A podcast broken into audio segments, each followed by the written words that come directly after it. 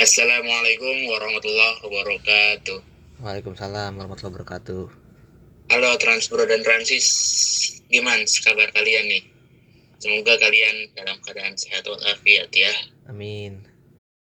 Di episode ini kita akan bahas jalan Trans Sumatera, yang mana ini terbentang dari Lampung hingga Aceh.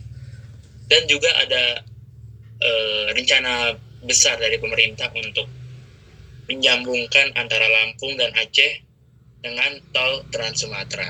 Mm-mm, Nah. betul.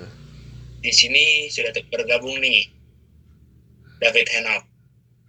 Nah, bisa nggak eh, jelasin gambaran tentang jalan Trans Sumatera, terus juga tentang apa ya pengalaman-pengalamannya.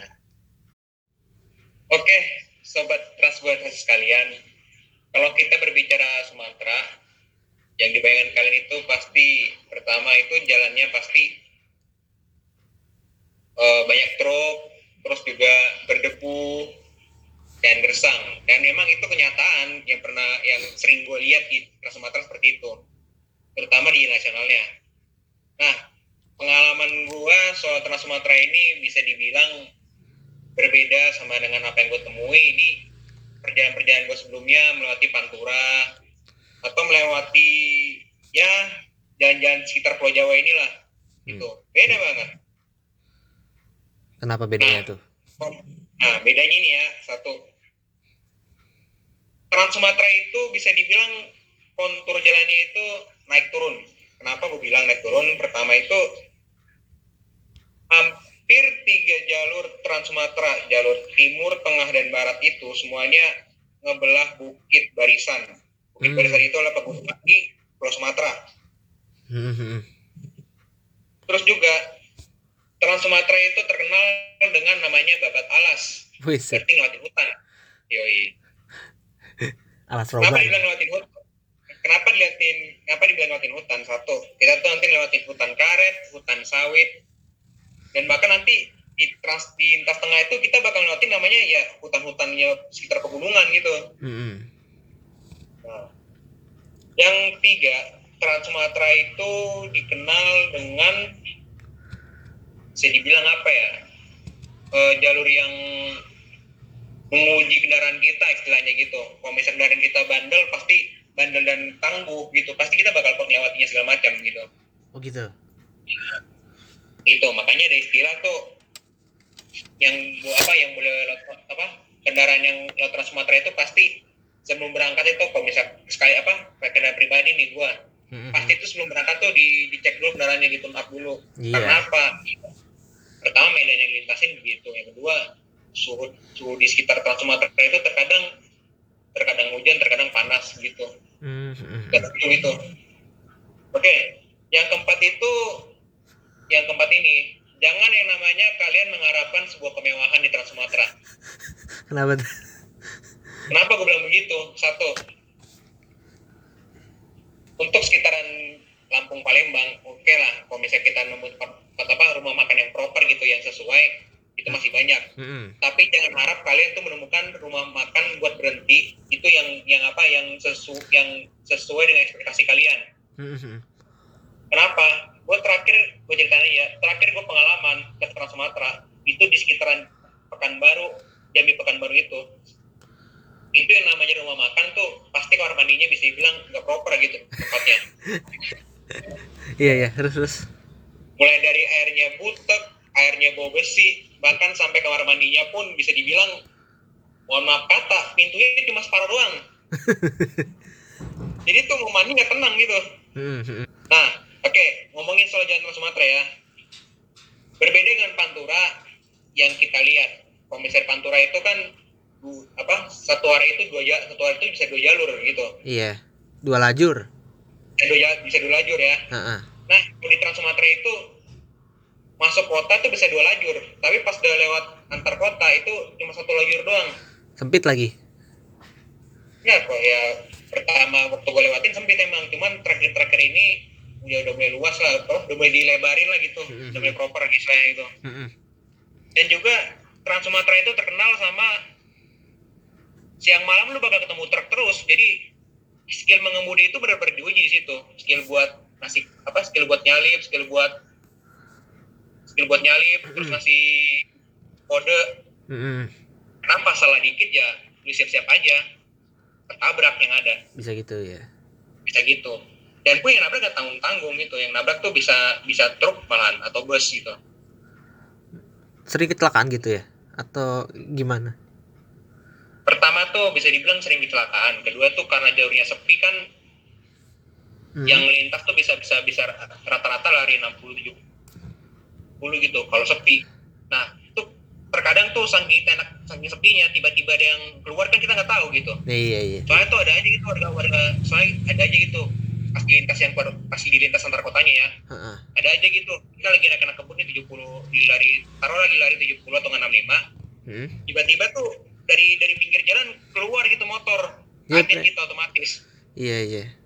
Kayak sini dan juga juga lah. tuh ya dan dan juga tuh penerangan di sana tuh gelap banget gitu. Mm.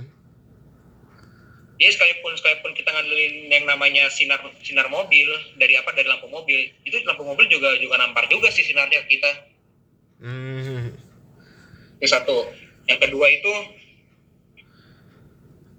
jarak pandang juga ngaruh nah jarak pandang juga berpengaruh sih kalau bisa Hmm. malam Mm. selanjutnya itu kalau soal berkendara di Trans Sumatera itu yang paling kita wanti-wanti itu pertama tuh ada warga di sana warga di sana itu bisa dibilang masih ada yang belum mematuhi lalu lintas. Jadi masih bisa dibilang masih ugal-ugalan lah gitu istilahnya. Iya. Masih ugal-ugalan. Terus nyalip terkadang ngebut minta ampun gitu. Hmm. manuvernya juga bisa ketebak juga sama kita. Mm, mm, mm, mm. dan juga terkadang tuh nggak sportif. Nah sportif. Maksudnya gimana tuh? Ya. Kayak gimana ya? Kalau misalnya sportif ya bisa dibilang sama anak-anak bismania itu kalau misalnya ada mobil depan tuh pasti ngode gitu. Oh gitu gitu. Ngode terus masuk. Nah kalau misalnya di Trans Sumatera nggak di nggak ngode kita. Tiba-tiba depan nggak ada gitu mobil gitu. Oke terus terus terus. Itu nggak sportif. Yang kedua itu paling utama sih rawan begal itu aja. Ah begal rawan ya. begal dan rawan pungli itu aja. Oh gitu. Pungli di mana tuh? Simpang Ya, meo pungli pung, pungli palingnya di sekitar di sekitar perbatasan provinsi. Hmm. cuman kalau begal ya begal ya sepi pasti ada gitu katanya terkenal tuh di lahat ya iya di simpang simpang meo simpang meo tuh lahat atau jambi simpang meo itu ya karena karena lahat sih belum masuk hmm, lima itu gitu gitu karena tengah dia iya Padahal kalau lahat kan sebelum lubuk li- apa sebelum ini ya lubuk linggau ya hmm. Heeh. Oh iya Nok, soal Iya. simpang meo ya. Karena kan waktu itu ya nonton di video Andriawan ya. ya terus Emang ada apa sih di simpang meo? Kita orang Meo. tahu nih. ya dari dari yang gua dengar-dengar ceritanya ya simpang meo itu kan karena jalurnya itu rusak jadi itu warga tuh pada istilahnya pada minta-minta sampai malak malahan gitu oh gitu bisa dibilang yang bisa bilang tuh yang, yang gerak tuh yang yang megang daerah situ gitu preman-premannya Heeh. Nah padahal mah kalau misalnya jalurnya itu ben kalau misalnya itu jalurnya bener gitu Hmm. mulus itu mah nggak nggak berani mereka situ minta-minta. Oh, ketabrak gitu. duluan pasti. Oh oke oke. Bakal kenceng sih. Iya. Ngerti ngerti. Ini masanya tuh nggak simpang meo juga. Simpang kalau misal kita pernah dengar tuh lintas timur juga ada lintas pantai timur kita bilangnya tuh. Heeh, di heeh. sekitarnya kebunnya apa? Kebun tebunya gulaku. Nah itu banyak gitu makanya rata-rata yang lewat situ tuh malam. Apa Hmm. gak ada yang lewat malam situ pasti lewatnya pas terang-terang semua. Hmm, hmm, hmm.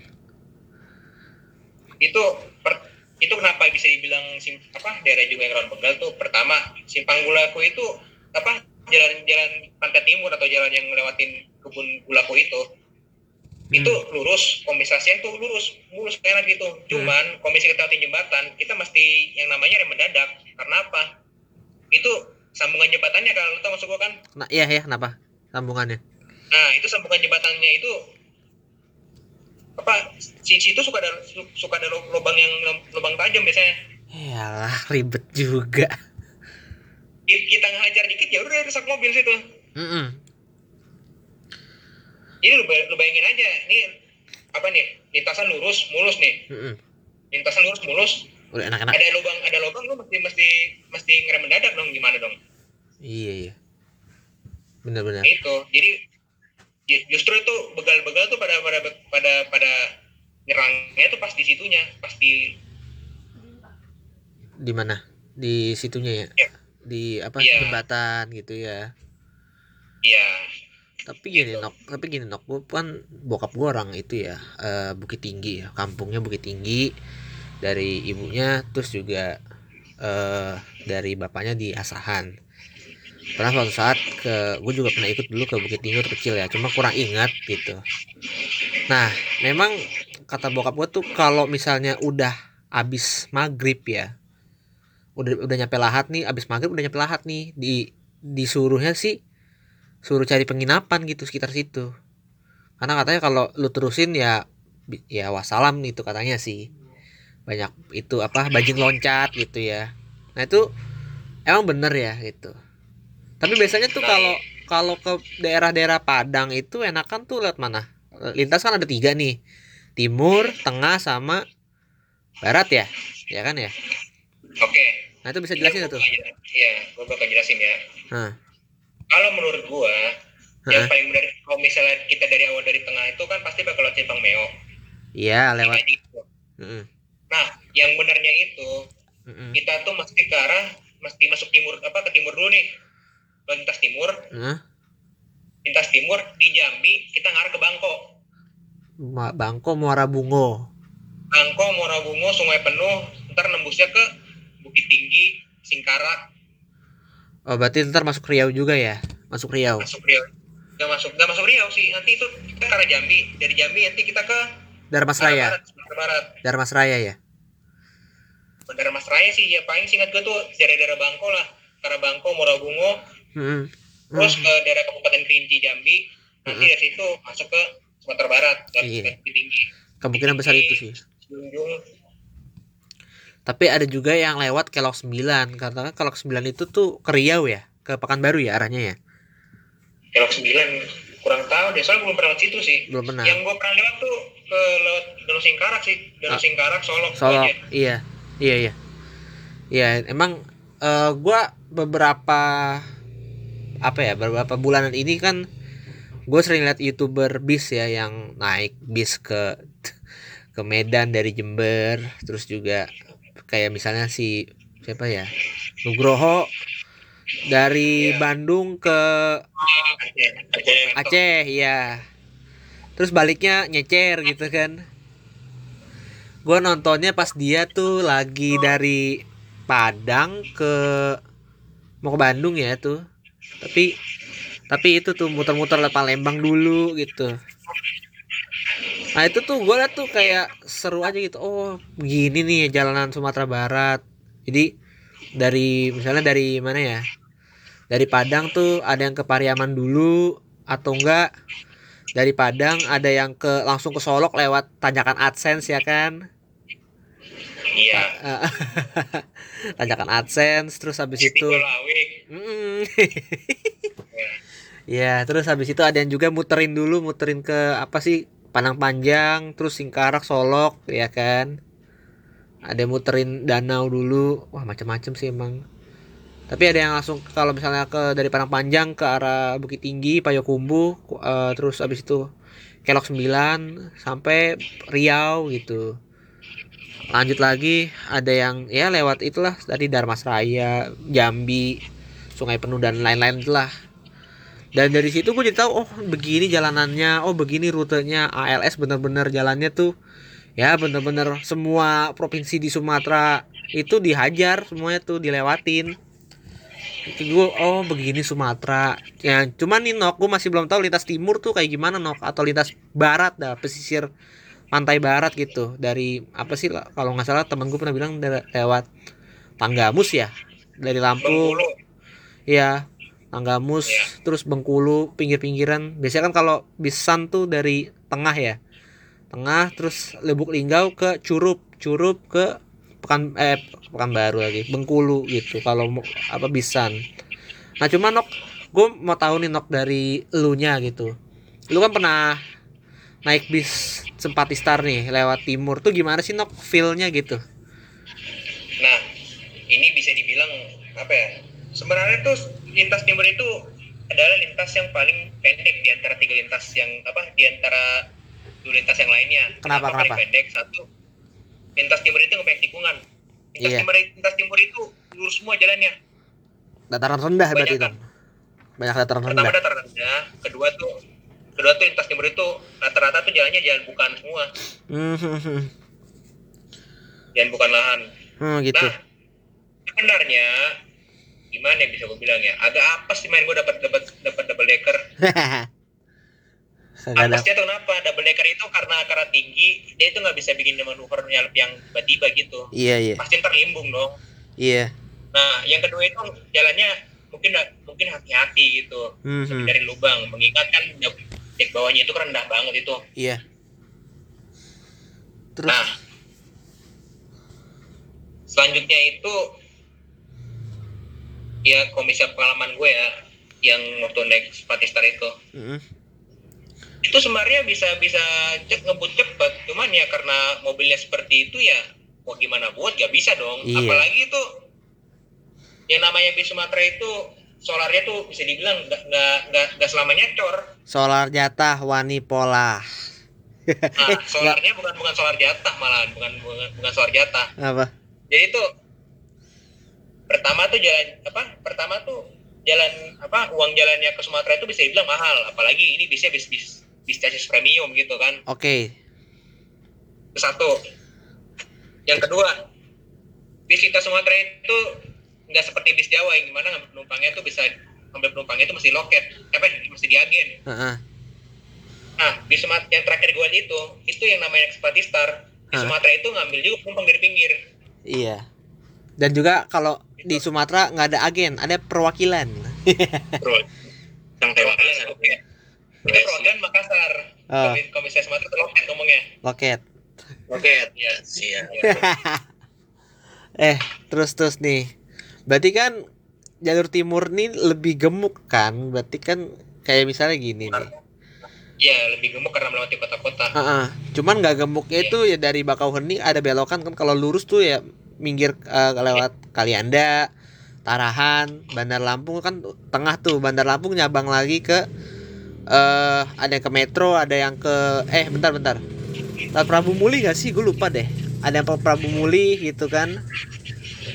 Terus ntar tembus Prabu Muli. tembus-tembusnya ntar Palembang, ada juga yang cabang lagi ntar ke arah Lahat gitu. Nah, dari dari Palembang itulah kan Palembang sampai ke arah Aceh tuh gemuk kan karena lewatin ibu kota provinsi kan. Palembang, Iya. Jambi, Pekanbaru. Terus mana tuh? Di Sumatera Utara masuk lagi kota Medan. Nah. Di Medan masuk Aceh itu buat ke Aceh. Iya. Nah, Iya.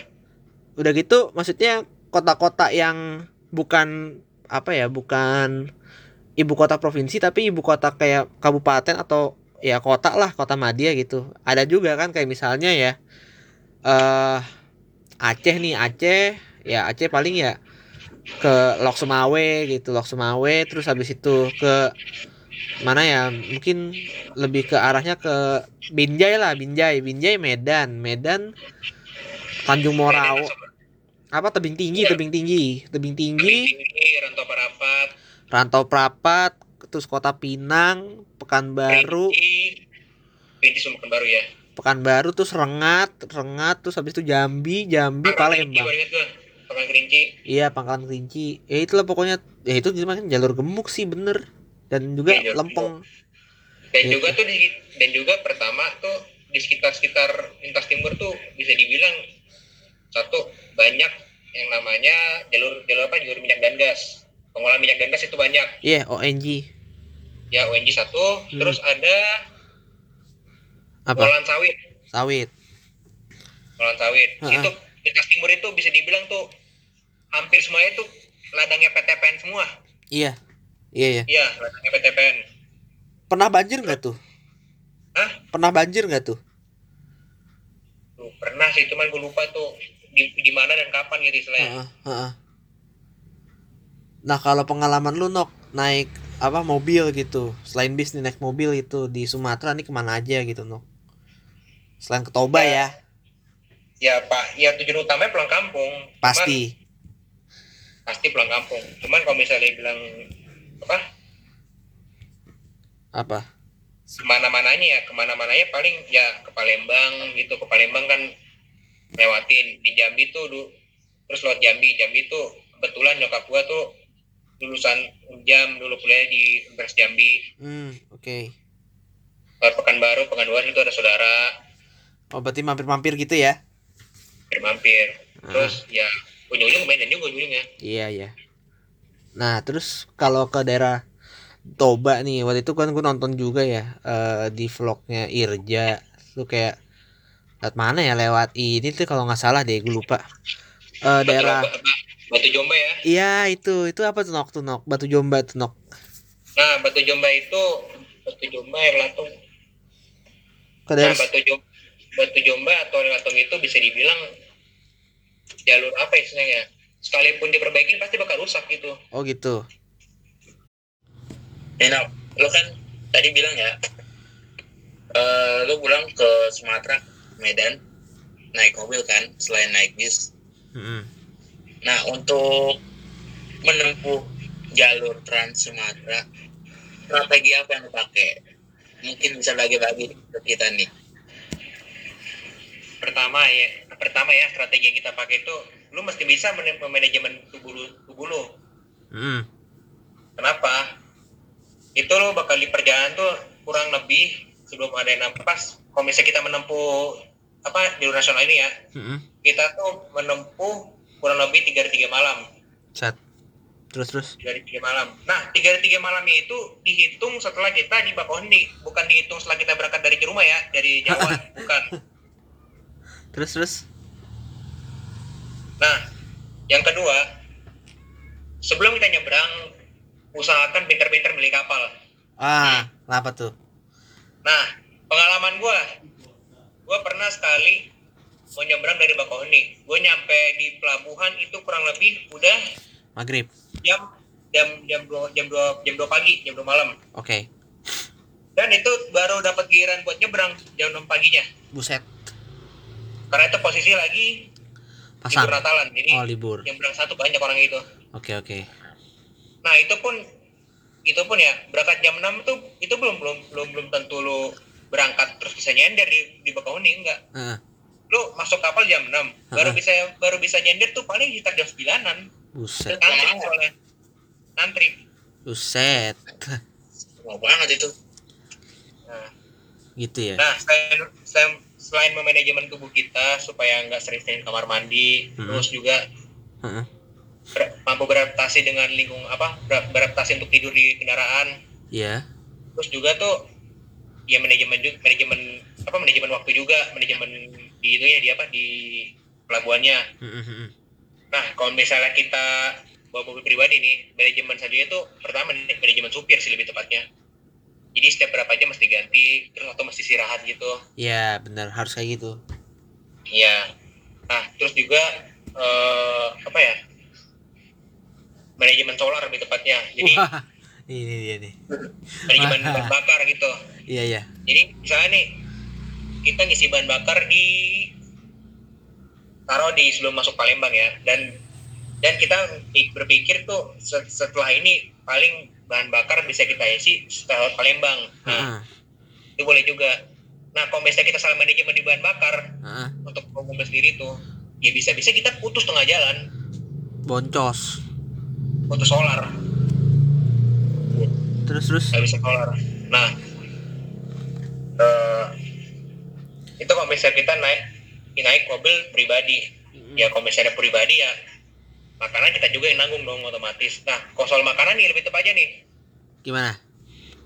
pertama tuh hati-hati makan di lintas Sumatera karena bisa dibilang tuh Digetok. pertama rata-rata makannya masakan-masakan Minang, masakan Padang. Oh gitu. Satu. Heeh. Yang kedua tuh terkadang tuh harga Diketok. ya, wah harga digetok masalahnya iya, iya, iya. kita, kita ngambil lauk satu dihitung dua lima Set. tapi emang bener sih kita ngambil lauk emang bener sih waktu gua makan di pagi sore heeh. gua nih ngambil ngambil hitungannya ngambil satu lauk ya gua taruh gua mang, mang- ngambil satu potong satu potong telur dadar Heeh.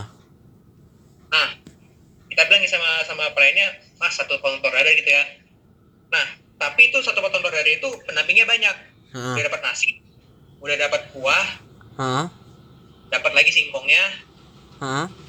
dapat lagi sayur itu sayur apa sayur Sayur kol. Nangkanya Oh, sama sambelnya. Iya, plus terus minum. Jadi hitungannya dua puluh ribu pas. Iya. nah selanjutnya lagi tuh pinter-pinter milih pinter-pinter milih tempat berhenti. Hmm. terkadang terkadang salah terkadang tuh kalau misalnya kita salah salah milih tempat berhenti satu tempatnya itu bisa dibilang nggak sesuai sama ekspektasi kita atau enggak bisa bikin bisa bikin kita risih. Iya. Itu yang kedua pertama. Yang kedua yang kedua itu tadi soal makanan. Bisa bisa ntar dipatok harganya mahal. Betul. yang ketiga cari yang bisa dibilang fasilitasnya itu memen- memenuhi memenuhi lah gitu istilahnya. Nah akhir-akhir ini Trans Sumatera ini bisa dibilang udah mulai berbenah ya. Makanya makanya tuh di sana pemain itu udah gede-gede semua gitu. Jadi gak, gak hanya buat ngisi bensin aja buat gak hanya buat ngisi bahan bakar aja gitu bisa buat tempat istirahat Mm-mm. bisa buat tempat mandi tempat makan sama segala macamnya jadi jadi semacam rest area gitu Iya. nah ditambah pula tuh rumah makan tuh sekarang udah kayak semacam rest area juga gitu di Trans Sumatera. Mm-mm.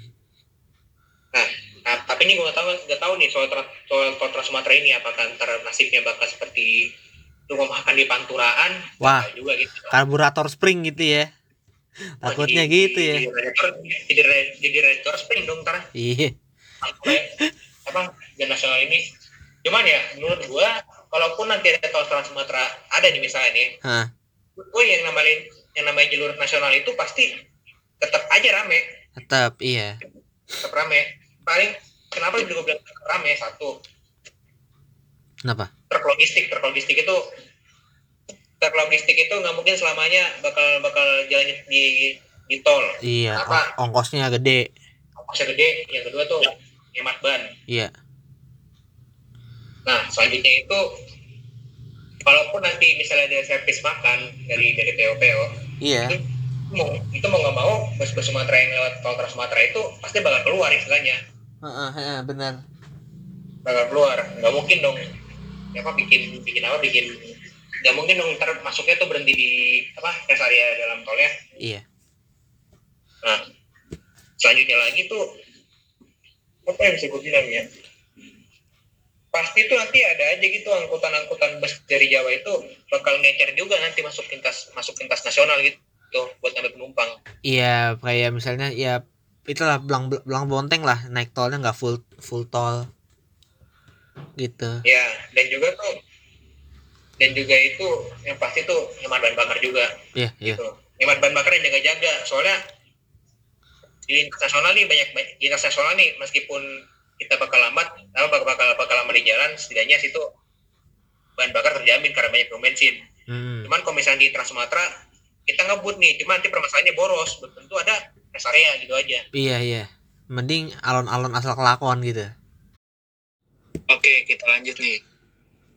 Tadi kan Henok udah menyinggung ya soal Trans Sumatera ya.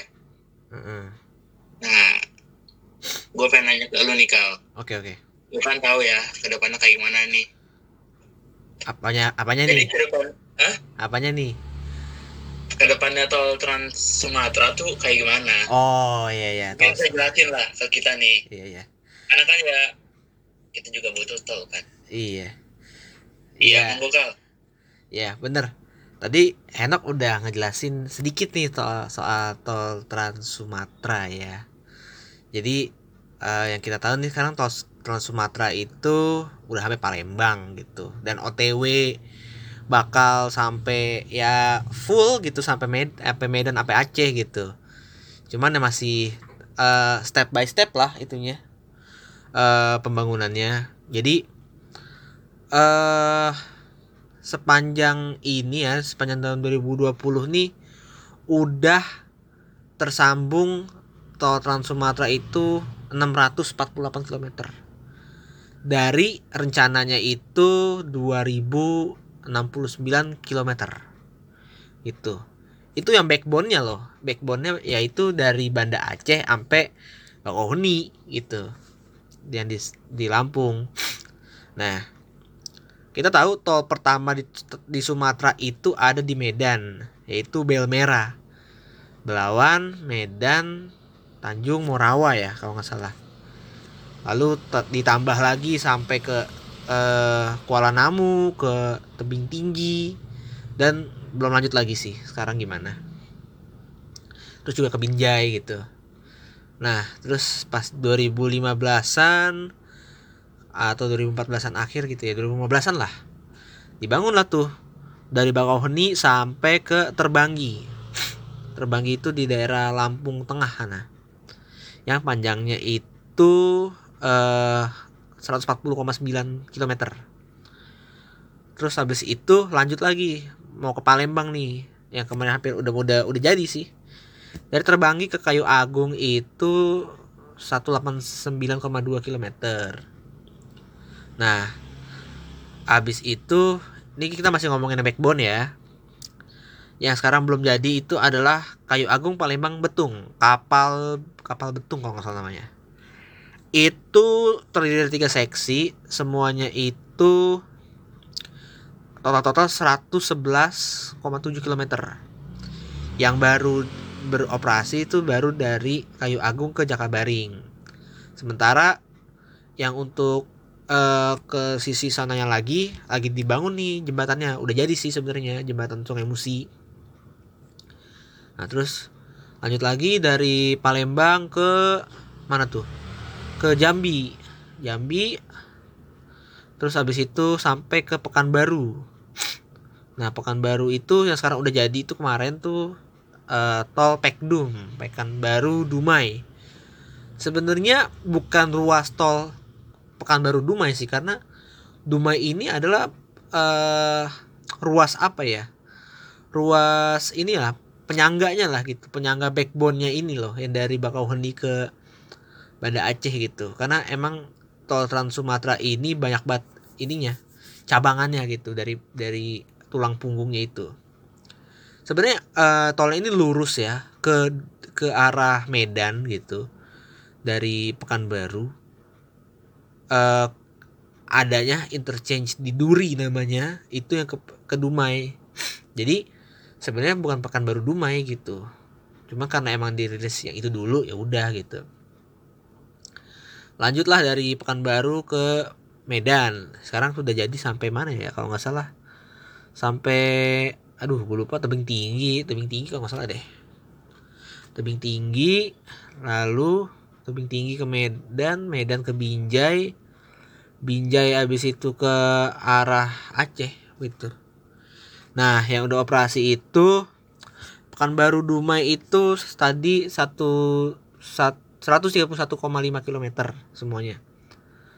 Lalu kalau yang beroperasi lagi dari Medan Kuala Namu tebing tinggi itu 61,7 km. Nah, Medan Binjai udah beroperasi nih. Semuanya total-total 13 km. Eh, bukan 13 km, sorry. Eh, 16 km. 16,7 km. Nah, terus di Aceh juga udah di kemarin diresmiin yang baru seksi 4 kalau nggak salah yang ba- di di operasi itu eh, dari Indrapuri ke Belang Bintang. Aslinya sih ruas tolnya dari Banda Aceh sampai Sigli. Namanya apa ya? Si Banda Aceh gitu, Sigli Banda Aceh singkatannya. Total-total dari Aceh ke Sigli itu 74 km. Dari Sigli lewat Laksomawe, lewat Langsa, lewat apa ya? Antar sampai-sampai Binjai gitu. Nah, itu backbone. Lalu ada lagi yang ruas-ruas penyangganya. Ruas-ruas penyangga itu terdiri dari mulainya eh, Palindra, Palembang Indralaya. Itu sejauh 21,9 km. Nah, sekarang lagi dikonstruksiin tuh nyambung sampai Bengkulu. Jadi Palembang Bengkulu nih. Lewat Prabu Muli, lewat Lahat, lewat Lubuk Linggau, lewat Curup, lewat Bengkulu. Kalau nggak salah di Bengkulu udah mulai start konstruksi nih ke arah Palembangnya. Jadi kita ketemu di tengah-tengah gitu.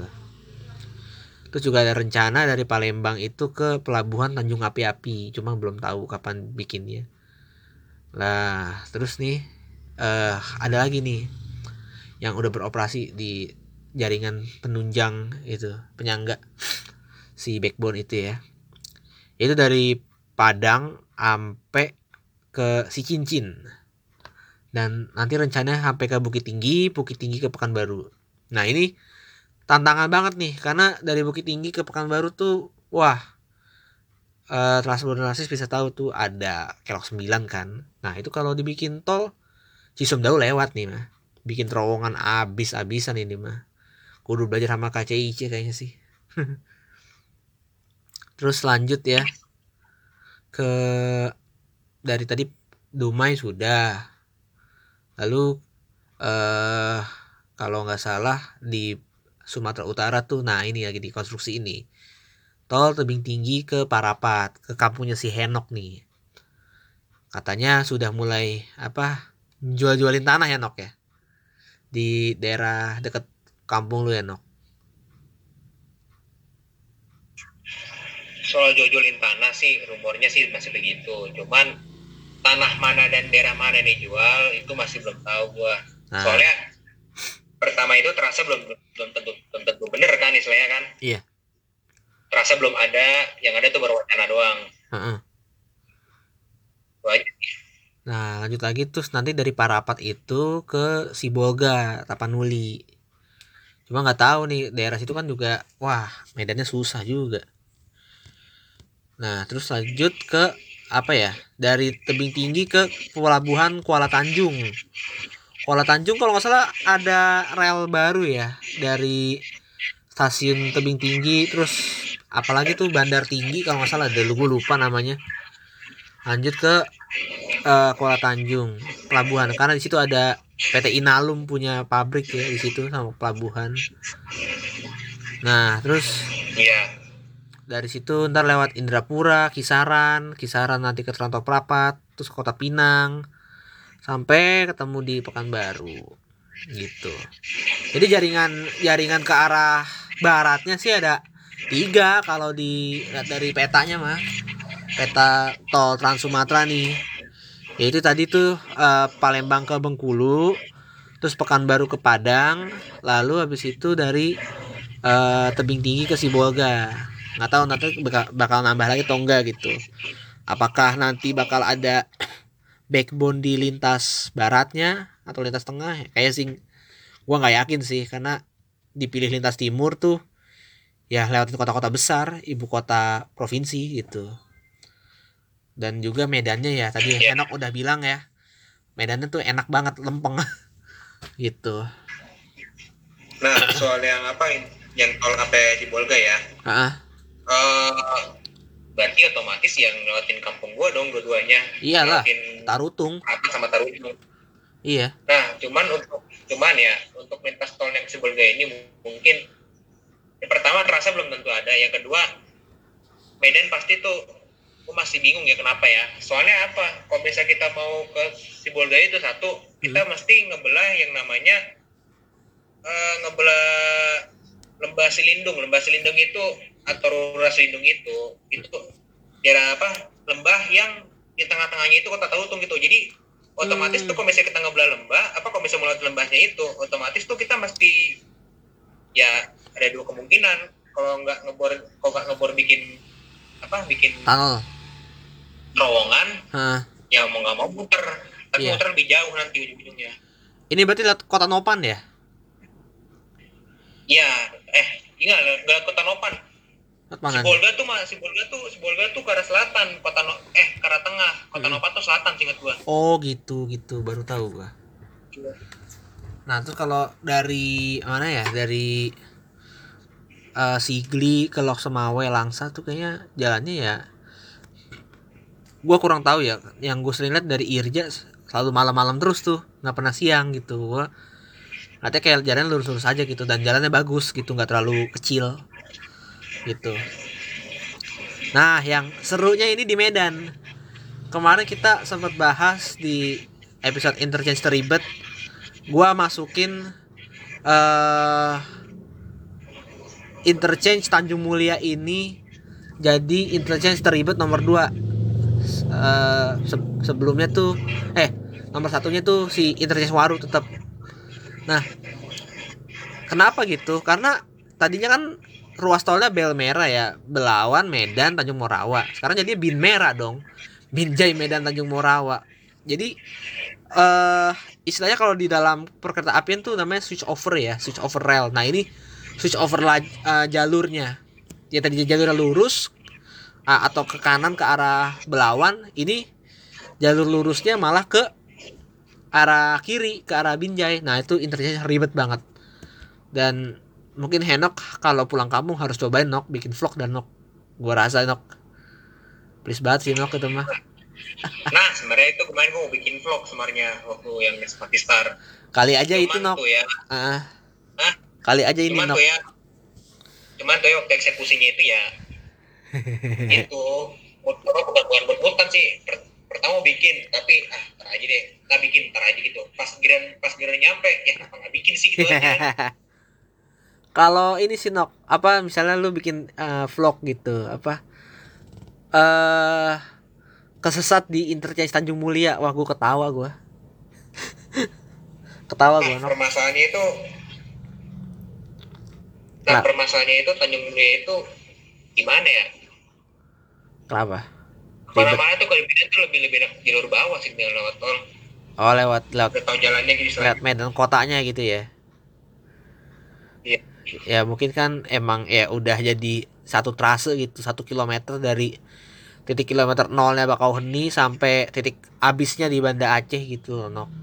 makanya di switch over begitu jadi ya udah gitu loh jadi pula keren juga sih thanks Haka.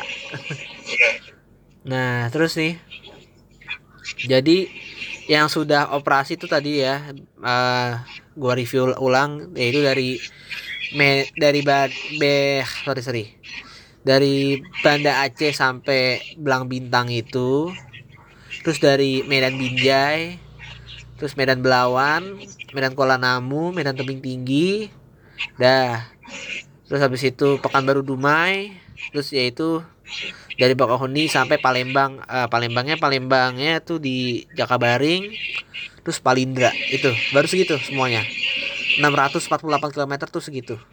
Nah yang sedang konstruksi yaitu dari Indralaya ke Bengkulu Buk- terus dari si cincin ke Pekanbaru. Tadi gue lupa eh Padang si cincin gak gue sebut sorry sorry. Lalu yang terus dari eh, mana ya dari tebing tinggi ke Parapat tebing tinggi ke Kuala Tanjung sampai Indrapura tuh juga lagi dikonstruksikan nah untuk tahap rencana selanjutnya itu dari Betung ke Jambi Jambi Rengat sampai Pekanbaru. Lalu dari Duri interchange Duri sampai ke Rantau Prapat Rantau Prapat sampai ke Kisaran. Terus rencana selanjutnya dari Binjai terus Langsa Loksemawe sampai Sigli sampai Belang Bintang. Nah terus juga dari Palembang ke Tanjung Api-Api terus juga dari Parapat ke Sibolga nanti kalau udah Parapat udah jadi. Entah kapan nggak tahu. Mungkin bisa 10 tahun lagi selesai. Dan rencana pemerintah ini targetnya 2023 sudah tersambung. Ya mungkin 2024 lah tersambung. Ah, dari Pekanbaru sampai sampai Lampung dulu katanya. Tapi kalaupun bisa lebih dari itu mau hebat juga sih.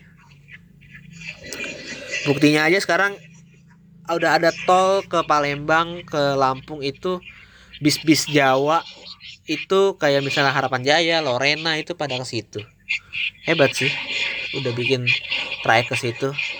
Dan juga manfaatnya jalan tol Trans Sumatera ini pertama ya pasti menghubungkan kawasan-kawasan produktif ya.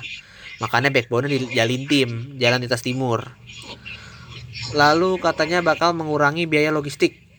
Terus juga membuat pertumbuhan ekonomi di daerahnya pasti juga mem- memper- mempertingkat eh, daya saing produk dalam negeri terus menciptakan pusat-pusat eko- ekonomi baru di Sumatera gitu. Dan ya kekurangannya sih yang gue takutin ya bener kata Henok takutnya kayak Pantura lagi jadi eh, karburator spring gitu. Ya paling itu sih yang bisa gue sampaikan soal tol Trans Sumatera ya dan mudah-mudahan sih cepet kelar. Kalau bisa kelar secepatnya ya udah. Mungkin dari Banda Aceh sampai Bakauheni bisa satu malam aja ditempuhnya kalau kalau badannya fit terus juga nyetirnya pada ganti-gantian bisa kali itu dan gua harap juga gua harap juga eh, dalam eh, sepanjang 2000 itu ada spare lah misalnya berapa kilometer itu trek lurus. Jadi sam- sampai somehow eh, ada emergency pesawat bisa turun situ. Siapa tahu mungkin tuh sebagai apa ya halu-haluannya gua aja gitu. Mungkin ah, dari Azam ada yang bertanya tadi? Ke, gue pengen nanya ya. Iya. Misalnya nih, eh, apa? cuman mikir-mikir doang, apakah PO PO bus yang ada di Trans Sumatera Hmm? itu menggunakan full nah tol Trans Sumatera sama seperti Trans Jawa? nah aku kurang Nah. tahu tuh gue pengen nanya ke Ika sama Henak dah nih, gimana pendapat kalian nih? mungkin sih tergantung ya tergantung misalnya anggap dari Jakarta sampai ke Medan gitu ya mau Medan apa mau Medan Jaya mau Sempati Star ataupun apalah gitu nama PO PO nya kalaupun duitnya mencukupi ya bisa gitu investnya kenceng ya bisa kalau menurut gue ya. Tuh kalau ALS sepertinya visi mereka tuh udah antar lintas Sumatera semua dibabat abis lah semua uh, provinsi itu dilewatin. Ya mungkin bisa jadi lewat tol juga. Nanti pas udah deket-deket Medan kayak misalnya dari ketemu Pekanbaru nih. Pekanbaru langsung Medan gitu. Memungkinkan gak nih tarifnya? Ya udah langsung gitu.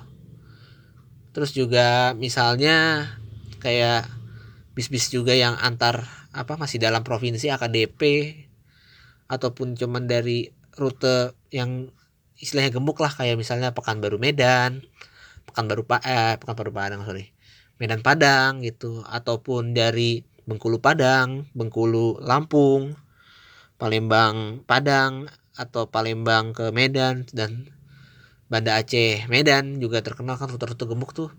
Mungkin bisa bisa make kalau untuk akapnya akapnya itu masih satu pulau sih kemungkinan besar menurut gue pakai. Cuma kalau udah ada yang beda beda pulau nih kayak misalnya Jakarta Aceh wah itu agak bingung juga sih gue kurang tahu dah tuh. Mungkin dari Henok gimana Nok? Oke, mungkin dari gue ya. Kalau misalnya tidak tersambung semua, tapi itu dia kembali lagi sama eh, PO-PO yang membuka rute tersebut gitu. Soalnya apa? Itu tergantung invest apa ya pertama itu tergantung okupansi penumpangnya, yang juga itu tergantung dari si armadanya juga. Nah, kalau misalnya gini, nah kenapa gue bilang begitu? Satu, berkaca sama eh, yang Medan Jember ALS ya. Medan Jember ALS aja di jalan aja sering trouble gitu. iya iya Untuk rute sejauh itu. Mm-mm. Nanti kan kalau misalnya sering trouble kan orang pasti mikirnya, oh ya udahlah ngecer aja gitu. Dari dari mana ke mana dulu gitu kan. iya Soalnya nanti kalau misalnya tembak langsung, kalau misalnya tembak langsung ya ya kemungkinan besarnya udah dapat armada yang pasti bakal rusak tengah jalan tuh satu. terus juga capeknya Yang kedua- banyak yang kedua untuk sekali jalan aja Mm-mm. gue pernah baca gitu di mana gitu ya di Instagram ya iya ALS itu untuk sekali jalan itu udah 9 juta 9 Untuk juta dari Jogja iya makanya tuh kalau misalnya biar bener-bener full cash gitu nyampe apa biar, bener-bener restorannya full gitu nyampe nyampe tempat tujuan tuh ya mau nggak mau mesti ngecer. Iya. Mau mesti nyari penumpang lagi di jalan. Iya. Berarti okupansi di daerah sana mempengaruhi juga dong. iya okupansi mempengaruhi juga intinya. Ah tambahan dari gua nih. Tapi masih bukan terhadap itu ya jalannya ya malah terhadap ke dunia perkereta apian ya. Pemerintah juga sedang membangun eh ini ya sama kereta api Trans Sumatera gitu. Layaknya eh tol Trans Sumatera ya. Nah kemungkinan besar kalau itu tersambung gitu sampai Bakauheni gue juga berharap sih ya. Gue berharapnya adalah kalau itu bisa dibikin seperti kereta cepet ya sok aja gitu loh kenapa nggak dibikin kereta cepet juga gitu? Karena kan kereta cepet di Jakarta Bandung ini juga lewatnya samping tol. Itu juga bisa padahal pasti bisa banget sih. Tapi ya nunggu tolnya tersambung dulu pastinya kalau menurut gue ya terus kalau misalnya untuk produk dalam negeri sih ya. Ya kalau misalnya dengan tol itu misalnya nganter logistik itu ya kalau tadi jatuhnya kalau jalan biasa itu banyak apa apa pemalakan pungli segala macem ya mudah-mudahan bisa aman sih gua rasa gitu. Oke, ya sudah banyak nih kita bahas tentang jalan Trans Sumatera, terus rencana tol Trans Sumatera ke depannya. Kita harapkanlah yang terbaik buat jalan Trans Sumatera ini, menguntungkan banyak pihak dan lebih mengefisiensikan waktu ya. Dan juga yang pasti berkeadilan lah ya. Oke, terima kasih nih kepada Transpro dan Transis yang udah dengerin semoga menambah ilmu dan bila kita ada kekurangan mohon dikoreksi kesempurnaan hanya milik Tuhan. Eh, wassalamualaikum warahmatullahi wabarakatuh.